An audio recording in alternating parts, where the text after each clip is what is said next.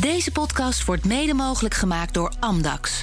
Het handelshuis voor de serieuze cryptobelegger. BNR Nieuwsradio. De Cryptocast. Herbert Blankenstein. Hartelijk welkom bij de Cryptocast. Met vandaag Meta maakt cryptobetalingen via WhatsApp mogelijk met hun nieuwe wallet Novi. Gaat Twitter binnenkort ondersteuning bieden voor non-fungible tokens? En het schiet maar niet op met de prijs van Bitcoin. Hoe moet dat nou verder? Dit is aflevering 198 van de Cryptocast met een half uur crypto-nieuws hier op de radio bij BNR. En daarna gaan we door over NFT's in de kunst. Met onze gast Gustav Dekking, innovatiestrateeg en oprichter van Artifund. Daarover straks meer, maar dat gaat in ieder geval over nieuwe verdienmodellen en meer macht over je eigen werk voor de kunstenaar. Mijn co-host vandaag, Krijn Soeterman. Hoi Krijn. Hoi. Cryptojournalist en auteur.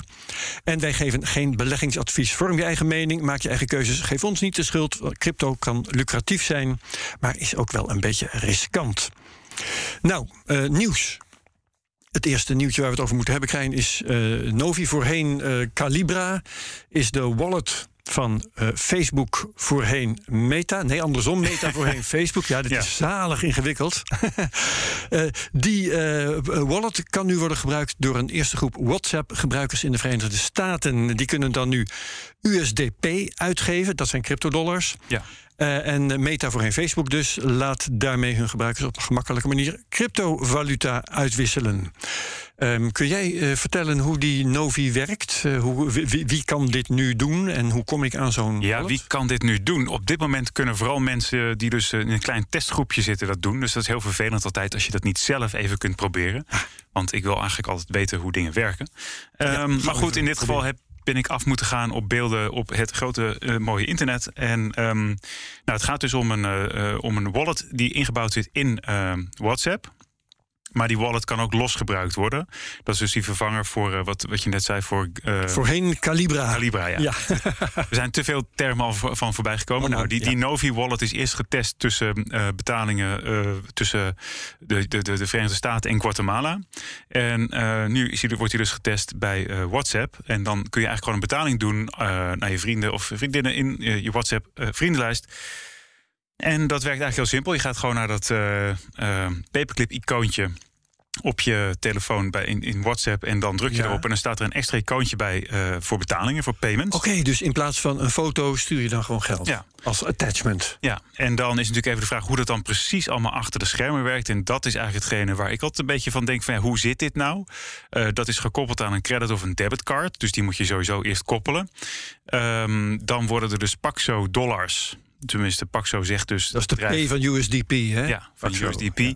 Uh, Paxo zegt dus dat zij dus die uh, dat, dat ze dus één op één dollar reserve hebben voor één Paxo dollar. Ja, gedekt. Nou, dat geloven we dan maar. Um, dit is een. Maar ik geloof dat dat ook wel. Jawel, uh, dit, dit, dit, dit, hele bedrijf is, is een stuk beter ge gecontroleerd dan zeg maar Tether, om het zo maar te zeggen. Precies. Want alles is hier vastgelegd, zodat je bedoel, je kunt, je mag niet witwassen natuurlijk, je mag geen fraude plegen. En daar uh, wordt ook een heleboel controles op losgelaten. Dus ik, uh, ja, ik ben heel benieuwd hoe dit zit qua, uh, qua privacy. Ondanks dat uiteraard gezegd wordt dat al je privacy gewaarborgd wordt. Maar goed, Oei. voordat wij heel, heel chagrijnig daarover gaan doen. Het, is, het lijkt eigenlijk op een bepaalde manier best wel een beetje op dat systeem van Jack Mellers. Dat strike systeem. Om snel je, uh, zeg maar, gewoon ook dollars of euro's of andere uh, dingen over te maken. Maar dan via het Lightning netwerk. Maar ik weet dus niet precies wat hierachter zit. Ik neem eigenlijk Ja. aan, want die Paxo dollar, die USDP, is eigenlijk gewoon een ERC20 muntje op de uh, Ethereum blockchain. En als je dat natuurlijk, uh, als je op dit moment een Ethereum transactie doet, dan kost je dat nou, best wel een hoop geld. Hmm. Dus ik ga ervan uit dat dit eigenlijk allemaal gecentraliseerd werkt op een exchange die ja, beheerd wordt door Paxo in combinatie Ja, met Novi. Oké, okay, te technische details daarover uh, misschien een volgende keer. Ja. Um, maar wat, wat interessant is, uh, als je het vergelijkt met het oorspronkelijke plan van toen Meta nog Facebook heette, toen hadden ze een Libra bedacht. Ja. En het was een munt die was internationaal. Hè? Die bestond uit een gewogen uh, combinatie van allerlei andere valuta. En nu is het puur een dollarmunt. Ja. En het is ook alleen voor Amerikanen, veronderstel ik. Ja, het is, uh, dit, Op dit moment dit, dan wordt nog. getest alleen voor Amerikanen. En wat ik Ja. net zei, die Novi Wallet is al getest met, met, eh, tussen Guatemala en de Verenigde Staten. Ja, voor remittances. Het Ja, eh, voor, terug eh, naar huis sturen van geld door Ja. Guatemalanen, als dat zo heet, eh, in de Verenigde Staten. Ja, en dat is dan eh, de Guatemalese Teken. eh, eh, eh, Quetzal. Ik weet niet, hoe- weet niet precies hoe het uit moet spreken. Kwetsel, zou kunnen. Ja, ik weet het ook niet. En dat, nou goed, in ieder geval, ehm, ik, ik, kijk, ik denk dat natuurlijk de, ehm, de hete adem van zo'n. ehm, van het hele gebeuren in El Salvador natuurlijk in de nek voelden. Dus dat is, eh, er wordt even snel op gehandeld, letterlijk. Ja, Ehm, die Libra, waarom is die ook weer van het toneel verdwenen? Ja, dat, dat was eigenlijk vrij snel al duidelijk dat de eh, centrale banken van deze wereld hier geen zin in hadden. En eh, zo'n 1 op 1 dollar ja, pack, dat is natuurlijk dat is toch iets anders. Dat is, dat is eigenlijk gewoon. Ja, blijft binnen, binnen landsgrenzen. Ja. Dus ik kan me voorstellen dat dat makkelijker is om, eh, om, om gewoon door te voeren en gereguleerd te krijgen. Want het is volledig gereguleerd. Ehm, dus dat betekent eh, dat je dus je ID-verificatie moet doen. Ehm, ja, verder is er een Paxos Trust Company zit erachter. Ehm er zijn allemaal gereguleerde partijen in de VS. En verder, ja, dat is dus, eh, dat is dus helemaal afgekaart. Ja, ja. En, en de DM zou dan de opvolger van Libra dan weer zijn bij Meta. Ja. Eh, die is ook van toneel verdwenen, blijkbaar. Ze hebben gewoon een bestaande munt bij nader inzien toch genomen. Ja, ik denk ook dat het makkelijk is. Kijk, die hele infrastructuur ligt er al. Eh, het is dus door die Ja. hele trust company, eh sorry, die hele trust van Paxos afgekaart. En dan, dan ben je natuurlijk eigenlijk al klaar. Om maar heel, ja, er zijn vast wat, Ja. wat bochten afgesneden hier, maar Ja, Ehm Gustav, Ja. Vind, vind jij dit interessant? Zou jij, eh, nou je bent dan Nederlander, wij doen aan euro's, maar als er een, eh, een, Novi wallet zou zijn met crypto-euro's, zou jij dat willen gebruiken? Ik denk, eh, zolang dat van een bedrijf als Facebook of Meta in dit geval komt, hou ik me daar nog even afzijdig van. Geloof ik. Juist. Eh, van ja. een ander bedrijf zou je dat wel willen? Welk, van welk bedrijf zou je het wel willen? Nou, ik, eh, het mooie denk ik van crypto is dat je daar niet per se een eh, bedrijf voor nodig hebt, denk ik. Eh, in ieder geval niet een gecentraliseerd bedrijf waar je dus je, nou ja, je muntjes en je transacties naartoe stuurt en weer hopelijk weer vandaan krijgt. nou, Ja. ik ben er bijvoorbeeld niet achter gekomen of je die USDP ook buiten die Novi Wallet omgeving van WhatsApp kunt versturen. Dat zal toch wel, want hij bestond al. Ja, hij bestond, kijk, je kunt hem buiten dat systeem natuurlijk gebruiken. Ja. Maar kun je ook vanuit die Novi Wallet die in WhatsApp zit naar buiten toe? Daar ben ik niet achter. Ja, ja, ja. Nou ja, dat, daar gaan we bericht over horen natuurlijk, hè, als Ja. de, de test loopt. Ehm, intussen, nou ja, Facebook dus actief met een wallet en met een, een cryptomunt, al is het dan een verklede dollar. Eh, grote techbedrijven zijn daar geleidelijk aan meer mee bezig. Hè. Twitter biedt intussen de mogelijkheid om fooien te geven in bitcoin bijvoorbeeld. Daar gaan we het straks ook nog verder over hebben. Ehm, wat, wat, wat vind jij hiervan? Eh, is dit eh, een win voor crypto? Of is het een verlies voor crypto dat het nu in de klauwen valt van eh, het groot kapitaal? Ja, ik, dat, dit, is natuurlijk een, wat, dit, dit speelt natuurlijk al vreselijk lang. En deze vragen worden natuurlijk al heel erg lang gesteld. En ik merk dat ik, dat ik er onrustig van word, omdat ik het, het, het haalt een soort van. Ja, mijn is een groot woord, maar mijn kindje zeg maar weg. Zeg maar, mijn, mijn liefhebberij, mijn plezier, een soort van een stukje hobby ook. Eh, maar dat is, natuurlijk, dat, is natuurlijk, dat is natuurlijk niet vriendelijk om te zeggen. Kijk, ik, Je ik, bedoelt het mooie open fenomeen Ja, van crypto? ik, wat ik zeg, ik kan niet zien hoe dat werkt met die wallet eh, in, in, Nee. in WhatsApp. Dus eigenlijk haalt dat al weg, zeg maar, dat daar een stukje openheid is. En als je dus allemaal walled gardens krijgt, allemaal eh IOL's en, net, eh, en, en ehm, CompuServes van de toekomst krijgt, ja, dat gaat natuurlijk allemaal niet werken. Dat hebben we allemaal gezien. Toen gingen we naar Web 2.0 en dat was allemaal nog weer walled gardens met, met sociale media. Als je nou nu naar een soort van Web 3 tussen grote aanhalingstekens gaat, wat allemaal misschien wel eh, ook allemaal walled gardens worden van allemaal andere bedrijven die zeggen dat ze heel open zijn, maar dat allemaal niet zijn. Ja, waar zijn we dan Nou ja, eigenlijk Ik zal je vertellen, ja, waar- zijn we gekomen? We zijn gekomen eh, bij Facebook. Want Ja. dat is de ultieme walled garden, die dus wel heel goed werkt. Nou, en hun grote ding is natuurlijk van zij moeten dus in de toekomst van die FATF moeten ze virtual assets gaan blijven volgen en tracken. Dus dan mag je dus om de GDPR of AVG, zoals het in het Nederlands heet, heen, eh, moet je alsnog mensen tracken en tracen wat voor dingen ze met elkaar eh, aan interactie hebben. Dus het is, het, is een, het is een eigenlijk bizar dat we dus aan de ene kant proberen privacy te beschermen, aan de andere kant breken we dat dus af met allemaal nieuwe regeltjes waar Facebook natuurlijk al lang op ingespeeld heeft, met, met, met honderden advocatenuren, het allemaal bekeken heeft hoe ze dit kunnen inregelen. En op deze manier moeten ze toch nog steeds mensen blijven volgen. Ja, ja. Hoe, hoe je het went ook of keert, dit is een belangrijke ontwikkeling. Ja. En uh, eentje Belangrijk die we met belangstelling zullen blijven Ja, volgen. zeker. Ja. Zeker. Nou, misschien een goed moment om eens even te gaan eh, eh, praten met Bert Slachter. Die hangt als het goed is. Hallo Bert. Hey, goeiedag. Hi, eh, analist bij de digitale nieuwsbrief bitcoinalpha.nl. Hey Bert, ehm, we hebben het hier elke week over de prijzen. En eh, het gaat niet zo goed met de prijs van eh, bitcoin. Hè? Waar zaten we ook weer daarnet op 47.000 dollar ongeveer? Klopt. Ja, net als vorige week eigenlijk Ja. zo'n beetje. Is het nou nog steeds een boelmarkt, Bert? Ja, dat is een goede vraag. Wat is eigenlijk een boelmarkt? Wat is eigenlijk een bearmarkt? Ja. Ehm, bij aandelenmarkten zijn daar hele duidelijke definities van. Hè. Minder, als je meer dan 20% daalt, dan zit je officieel in een bearmarkt. Ja, daar is, daar is crypto te volatiel voor om dat te volgen. Hè. Dan, dan, dan zou je soms wekelijks heen en weer stuiteren. Ja. Je zou eigenlijk kunnen zeggen, een bearmarkt... dat is een, een omstandigheid, een marktomstandigheid... met dalende koersen, afnemende interesse, pessimisme... En een boelmarkt, dan zie je stijgende koersen, nieuwe investeerders, optimisme, enthousiasme. En als je nu kijkt, ehm, wat we zien, en wij, wij kijken zelf daarvoor naar, naar ontzettend veel soorten eh, gegevens, data, de macro-economische context, fundamentele ontwikkelingen, technische analyse, on-chain analyse, het sentiment. En als we nu kijken, dan zien we eigenlijk tegenstrijdige signalen. Ja. Er zijn signalen die duiden op boelmarktomstandigheden. En er zijn signalen die, ja, die zijn bearish. Die, die, die, die duiden op De bearmarktomstandigheden. dalende prijs En- bijvoorbeeld. Ja, nou ja, kijk, qua koers zou ik zeggen dat tussen de 40 en de 53.000 dollar, en kijken we even naar Bitcoin, Mhm. dan, dan dat is eigenlijk een soort neutraal, hè, onbeslist. En eh Nee, serieus, 53.000. Bert, eh, sinds een maand geleden eh, keldert die koers van, wat was het ook weer, bijna 70, ik geloof 69.000 naar 47 nu. Dat is toch gewoon Ja, dat klopt. Maar als je wat verder uitzoomt, hè, dan, dan zie je dat er ehm, nog steeds hogere bodems neergezet worden. Ja.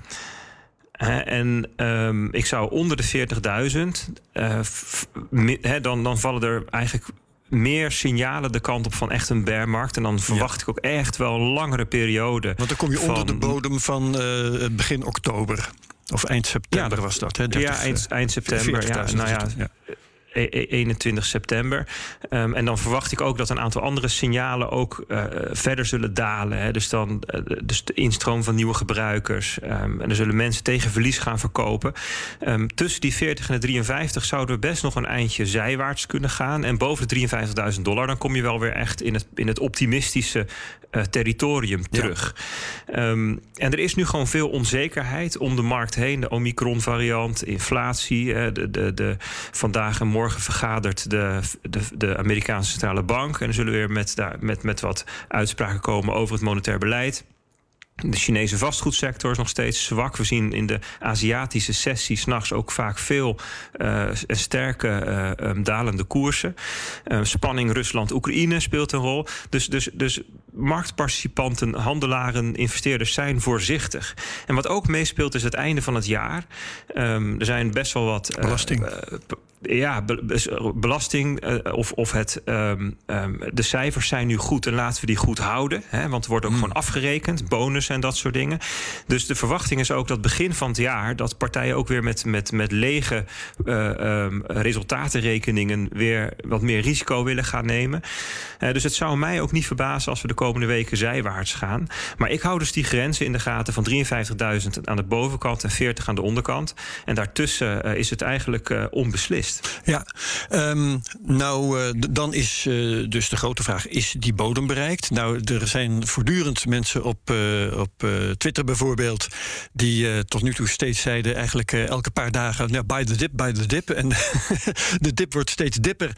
En eh, sinds, eh, nou, vorige week geloof ik, eh, zag ik dat Michael van der Poppen, trader eh, en ook analist, die eh, zei: de, de bodem, de bottom is in, in het Engels.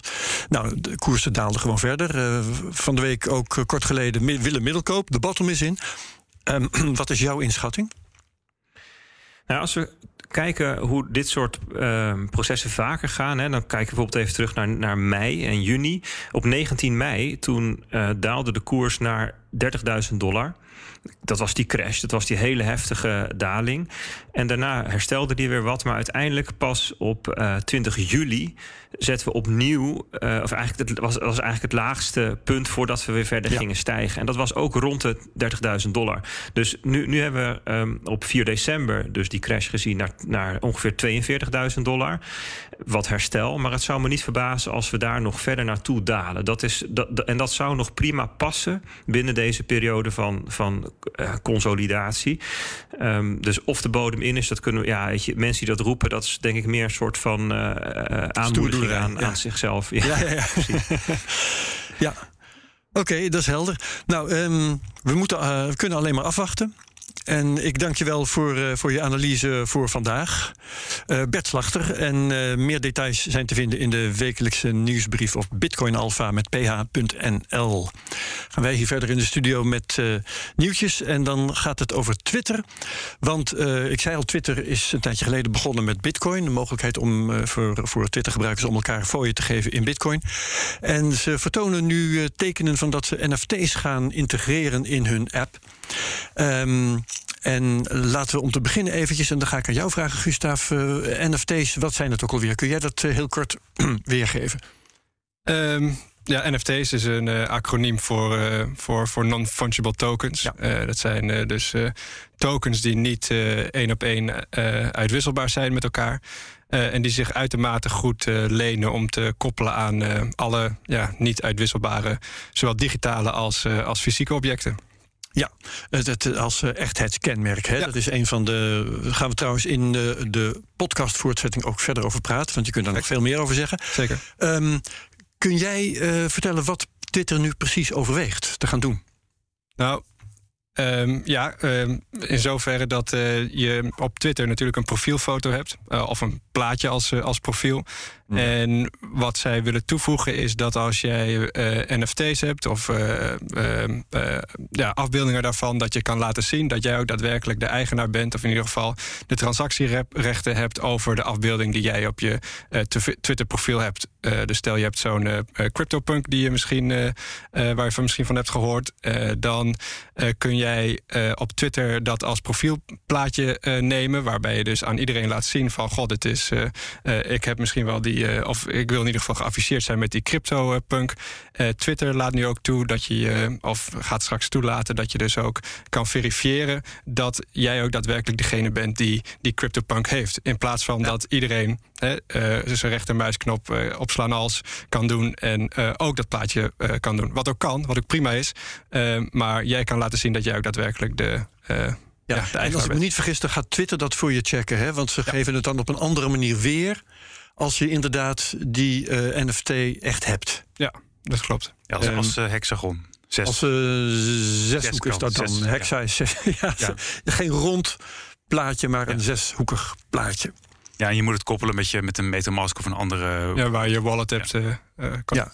Um, wat, wat win je daarmee als twitteraar, als je dit kunt?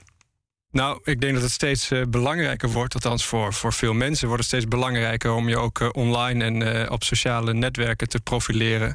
Um, en dit is een hele mooie manier om aan te geven dat je bijvoorbeeld bij een bepaalde community hoort of actief bent in een bepaalde uh, community. Uh, dat je misschien kunstenaars ondersteunt of dat ja, je. Of dat je een loeidure NFT bezit. Exact. Ja, He, het is ook. Online heb je niet zo heel veel aan een uh, dure Lamborghini of een, een mooie Rolex. Maar als je kan laten zien dat je een, een loeidure NFT hebt, ja. misschien. Dus het kan ook gewoon een statussymbool zijn, bijvoorbeeld. Ja, het, het, past bij hoe je je, denk ik, wil profileren online. Ja. ja. En is dit nou. trouwens, zou jij dat willen? Zo'n um, NFT als uh, plaatje. Ja. Moet je hem wel eerst kopen natuurlijk. Ja, maar heb je een leuke NFT eigenlijk in je wallet? Uh, nou ja, god, ik, ik, heb, ik heb de Copernicus token van, uh, van het Copernicus project. Maar dat is uh, okay. En verder um, heb ik wat, wat rare plaatjes gekocht. Maar dat zijn allemaal, het zijn allemaal heel goedkoop. En op andere zeg maar via Polygon en Matic ja, en dat da, soort dingen. heb je het al, hè? Dan ga je dat in je oh, ja, profielfoto zetten en dan, dan laat je zien hoe goedkoop je bent. oh ja, ik, ik heb dus geen, geen apen en dat soort grappen. Nee. Geen apen. Oké. Okay. Gustav, is dit belangrijk voor het imago van de NFT? Dat Twitter dit nu zo gaat doen? Nou, wat het in ieder geval laat zien is dat uh, het niet een, uh, een hype of een hysteria is. En dat het dus iets ja. is van uh, wat waarschijnlijk wel langere tijd zal, zal blijven. Ja. Ja, oké. Um, Laten we het gaan hebben over wat we na de uh, gaan doen. We en beëindigen zo de radio-uitzending. Gaan we verder als uh, podcast. En dan gaan we het met jou uitgebreid hebben over NFT's en, en kunst. Praten. Um, wat voor meerwaarde wil ik eigenlijk nu vast van je weten hebben NFT's voor de kunstwereld?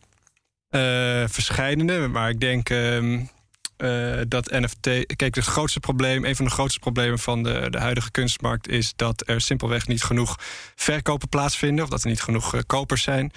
Uh, dat heeft mede te maken, denk ik, met het, het ontransparante en en uh, ontoegankelijke karakter van die, van die markt. En ik denk heb dat, je het nu over de markt van fysieke ja, kunst? Ja, van de traditionele ja? kunst, kunstmarkt, ja? van de huidige traditionele kunstmarkt.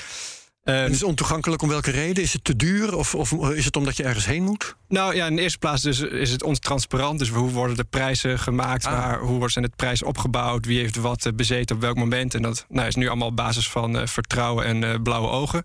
Um, en ja, heel veel mensen die um, vinden, daardoor, vinden daardoor niet interessant om in te stappen, omdat ze niet zo goed weten waar ze aan beginnen. Ja. Um, en ontoegankelijk, en dat is ook mede door, denk ik, door de jaren opgebouwd door, door galeries en veilinghuizen. En uh, he, dat het dus als een soort van elite of prestige is, waardoor de, nou ja, in ieder geval de gepercipieerde drempels om een galerie binnen te stappen nogal hoog zijn. Um, en ik denk dat NFT's of in ieder geval digitale kunst, daar wel een, uh, een uh, drempelverlagend in kunnen, kunnen werken. En dus... Omdat je gewoon dan online uh, kunst kan kopen. Maar dan is het natuurlijk ook wel digitale kunst. Of kun je op deze manier ook makkelijker fysieke kunst online kopen? Ja, ik denk beide inderdaad. Ja. En dus de toegevoegde transparantie, waarbij je de gehele geschiedenis kunt bekijken op de blockchain of op een mooie vormgegeven interface.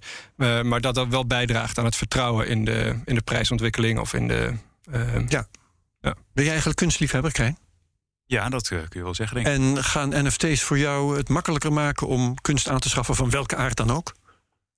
Jeetje, dat, um, ik ja, online digitale kunst heb ik altijd een beetje moeite mee gehad. Want je moet er een, een beeldscherm voor aanzetten. Dus daarom vind ik het leuk als anderen te hebben. Maar ik zelf denk altijd, nou ja, prima. Oké. Maar het, ja, het, je hebt denk ik denk je het verschil moet maken tussen de collectibles, dus zeg maar, de, de, zeg maar die, die verzamelingen van gekke plaatjes van aapjes en andere dingetjes, en de echte kunst. En bij de echte kunst zou ik het wel fijn vinden om, uh, om, om, dat, om de, de herkomst goed te kunnen zien. Ja. Dus ja, ik denk, misschien maakt het het wel makkelijker in de toekomst. Ja. We gaan daar uh, na de stop uitgebreid over praten in de crypto podcast. Tot zover de CryptoCast op BNR. Dus bedankt, Gustav Dekking van, um, hoe heet je bedrijf ook, Artifund. Precies. Neem je niet kwalijk dat ik ja, het even niet direct probleem. paraat had. Dank ook uh, co-host Krijn Soeterman, cryptojournalist en auteur. En we gaan het gesprek voortzetten in de podcast. Wie meegaat, tot straks. Wie het hierbij laat, bedankt. En heel graag tot de volgende week bij de CryptoCast op BNR. Deze podcast wordt mede mogelijk gemaakt door Amdax. Het handelshuis voor de serieuze cryptobelegger.